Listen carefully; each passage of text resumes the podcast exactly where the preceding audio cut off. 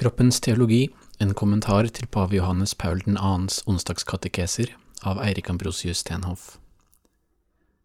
Totus tuus ego sum, et omnia mea tua sunt, archipio te in mea omnia, prebe mi cor tum Maria. Episode 5 Annen del av urerfaringene. Opprinnelig forening og nakenhet. Katekesene 8 til 13 Del 3 Opprinnelig nakenhet Kroppen uttrykker personen Katekesene 11 til 13 Den tredje urerfaringen som pave Johannes Paul 2. beskriver, kaller han for opprinnelig nakenhet. Denne erfaringen er basert på det siste verset i skapelsesberetningen. Begge var nakne, både mannen og kvinnen, og de skammet seg ikke for hverandre. Det står i Første Mosebok 2.25. I denne lille setningen, sier paven, fanges selve nøkkelen til kroppens teologi opp, det som er grunnlaget for det han kaller en adekvat antropologi. Og setningen følger like etter skapelsen av kvinnen, fra vers 21 til 23, som slutter med det verset som Jesus siterer overfor fariseerne. Derfor skal mannen og kvinnen forlate sin far og sin mor og holde fast ved sin kvinne, og de to skal være én kropp. Som paven bemerker, later den påfølgende setningen først til å være litt forstyrrende. Hva har mannens og kvinnens nakenhet med noe av dette å gjøre? Og hva er det denne detaljen tilfører helheten? Vi har tidligere sett hvordan den opprinnelige ensomhet og forening etablerer den menneskelige personen i urtilstanden. Så disse erfaringene beskriver mennesket slik det var skapt av Gud før syndefallet. Og med denne setningen om nakenhet uten skam tilfører teksten ytterligere en dimensjon til beskrivelsen av denne tilstanden. Og som vi vet, følger jo syndefallsberetningen i kapittel tre. Der skildres Adams og Evas fall ved at de spiser av kunnskapens tre, som fører dem til en ny bevissthet om kroppens betydning. Fra nå av ser mennesket på kroppen med skam, og det er blitt en del av vår historiske erfaring. Så for paven handler vers 25 først og fremst om denne opprinnelige bevisstheten. Det er, det er det som knytter den til de foregående refleksjonene om menneskets selvbevissthet og kroppslighet. La oss trenge litt dypere inn i hva dette betyr. Tidligere i denne episoden omtalte vi menneskets opprinnelige forening gjennom kjønnsforskjellen mellom mann og kvinne. Denne forskjellen mellom kjønnene utgjør selve muligheten for den kommune personarum som vi har kalt til. Vi så også hvordan mannen gjenkjente kvinnen som ben av mine ben, som en deltaker i den samme humaniteten, menneskeligheten. Så dette ikonet på menneskelig kjærlighet kompletteres med beskrivelsen av nakenheten uten skam. En slik nakenhet peker dermed på noe helt vesentlig som det historiske mennesket har mistet. Paven skriver, sitat, Det beskriver utvilsomt deres bevissthetstilstand, eller enda bedre, deres gjensidige erfaring av kroppen, vil si mannens erfaring av den femininitet som åpenbarer seg i kvinnens nakenhet, og vice versa. Teksten peker altså på en delt erfaring, den erfaring den første mann og kvinne hadde av å ikke skamme seg for hverandre. Og vi skal komme tilbake til hva skam betyr i senere episoder, når paven skildrer konsekvensene av syndefallet. Her er det viktigste å etablere hva skammen dypest sett peker på. Paven kaller den for en grense- eller terskelerfaring, skammen. Og som vi har sett, peker Jesus tilbake til begynnelsen. ikke sant? Han peker fariseerne tilbake til begynnelsen. Bare eh, fariseerne og vi. Ikke fordi begynnelsen representerer et uoppnåelig ideal eller et slags glansbilde, men fordi Jesus har etablert en viss forbindelse mellom vår historiske tilstand og urtilstanden. Så dette gjør det mulig for oss å krysse terskelen over til urerfaringene, som vi har sett. Og første Mosebok 2.25 sier han videre, altså den opprinnelige nakenheten, ber oss på en særlig måte om å gå over denne terskelen.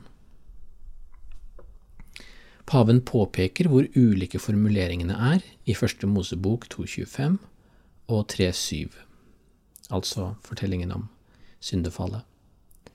I det første verset heter det at mannen og kvinnen var nakne, men følte ingen skam. I det andre verset, og i grunnen i hele kapittel tre i første Mosebok, står det ingenting om skam, men det står de skjønte at de var nakne, og derfor så flettet de sammen fikenblader, som vi vet, og bandt dem om livet. Og det er viktig at vi forstår dette riktig, sier paven. For denne overgangen fra å ikke føle skam til å innse at de er nakne, betyr ikke bare at man endelig innser noe som man tidligere ikke så, som allerede var der. Vi snakker på norsk og tilsvarende på flere andre språk om å f.eks. få øynene opp for ting, på en måte som knytter det å se til kunnskap.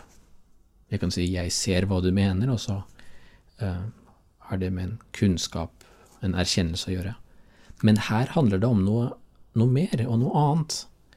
Det handler faktisk om en radikal endring i hvordan den opprinnelige nakenheten blir forstått etter syndefallet. En endring som er en direkte konsekvens av å ha spist tre av treet til kunnskap om godt og ondt. Det er vesentlig også at skammen avdekker ikke bare en ny mening i den andres kropp, men vår egen kropp. Som vi har sett tidligere, er det en ubrutt kontinuitet mellom den opprinnelige ensomhet og den opprinnelige forening, der ensomheten har en viss prioritet i kraft av at vi er skapt til personer. Så Derfor introduserer skammen en ny forståelse, også av vår egen kropp og vår kroppslighet, sier paven. Han uttrykker dette på en slående måte. I et litt lengre sitat i erfaringen av skam opplever mennesket en frykt i møte med det andre jeget, eksempel kvinnen overfor mannen. Og dette er i bunn og grunn en frykt for ens eget jeg. Gjennom skammen manifesterer mennesket på en instinktiv måte, så å si, behovet for bekreftelse og aksept, aksept av dette jeget i henhold til sin rette verdi. Han erfarer dette på samme tid inne i seg selv og vendt utover, i møte med den andre.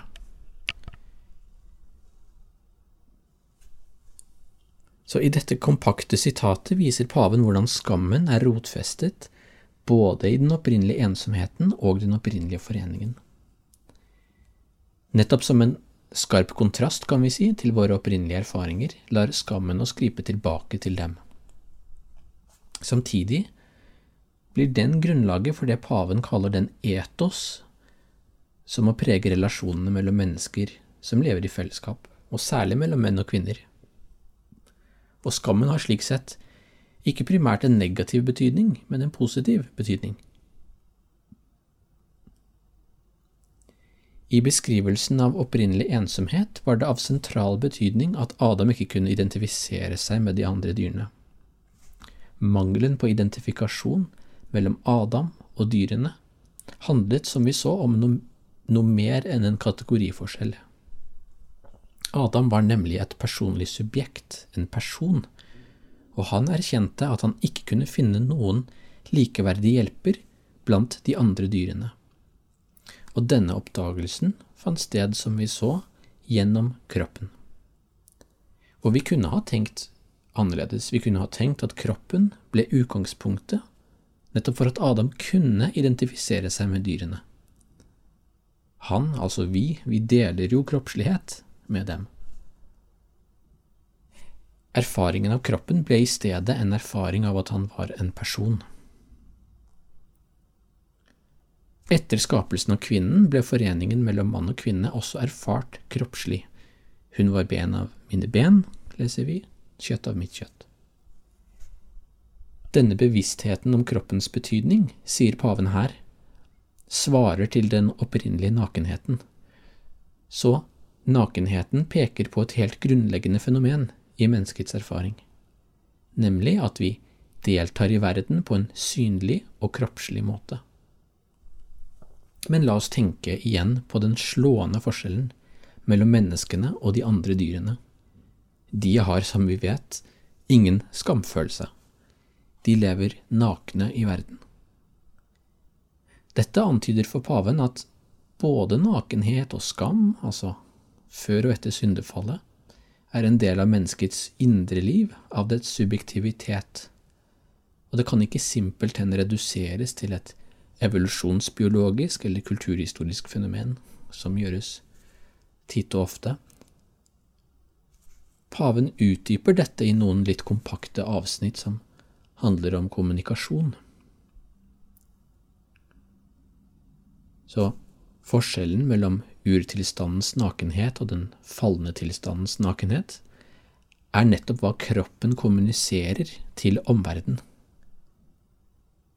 og særlig i relasjonen mellom mann og kvinne. Skapelsesberetningen viser oss hvordan kroppen manifesterer mennesket, sier paven, og dermed hvordan kroppen lar mannen og kvinnen kommunisere med hverandre i henhold til sitt kall, altså til communio personarum. Den opprinnelige nakenheten uttrykker i dette perspektivet hvordan denne kommunio mellom mennesker var innrettet fra begynnelsen. Det faktum at fellesskapet mellom mann og kvinne var uten skam, uttrykker for oss at de kunne se hverandre slik de faktisk var, i sin opprinnelige dybde. Det fantes, som paven skriver, en, en, en fylde og enkelhet i deres kroppslige nærvær overfor hverandre, og for hver person overfor seg selv, som ugjenkallelig er mistet. Så dette er et uttrykk for Guds gode plan for mennesket fra begynnelsen. Mennesket er skapt til Guds bilde, og denne gudbilledlikheten innebærer også at kroppen hadde en viss transparens som vi har mistet.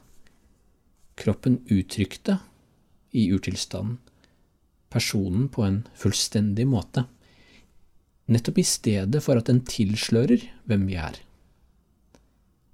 Når vi i dag tenker på menneskets jeg, menneskets identitet, hvem jeg er, tenker vi ofte som Descartes, at vi er helt uforståelige uten intellekt eller selvbevisstheten. Det er nettopp intellekt eller selvbevisstheten som definerer min identitet. Men pavens radikale motpåstand her sier at vår personlige eksistens som kropp egentlig er av en mer fundamental betydning, selvsagt ikke i motsetning til sjelen, men nettopp i forening med den. I begynnelsen var det rett og slett ikke noen erfaring av en splittelse mellom kropp og sjel. Kroppen uttrykte, som sagt, personen. I neste episode skal vi se nærmere på hvordan den opprinnelige nakenheten, slik den her er beskrevet, sammen med de andre urerfaringene, peker mot det paven kaller for kroppens ekteskapelige betydning. Dette må igjen forstås i lys av at mennesket først og fremst er skapt som en gave, for å gi seg selv som gave. Gloria patri et filio et spiritui sancto, sicut erat in principio et nunc et semper, et in saecula saeculorum.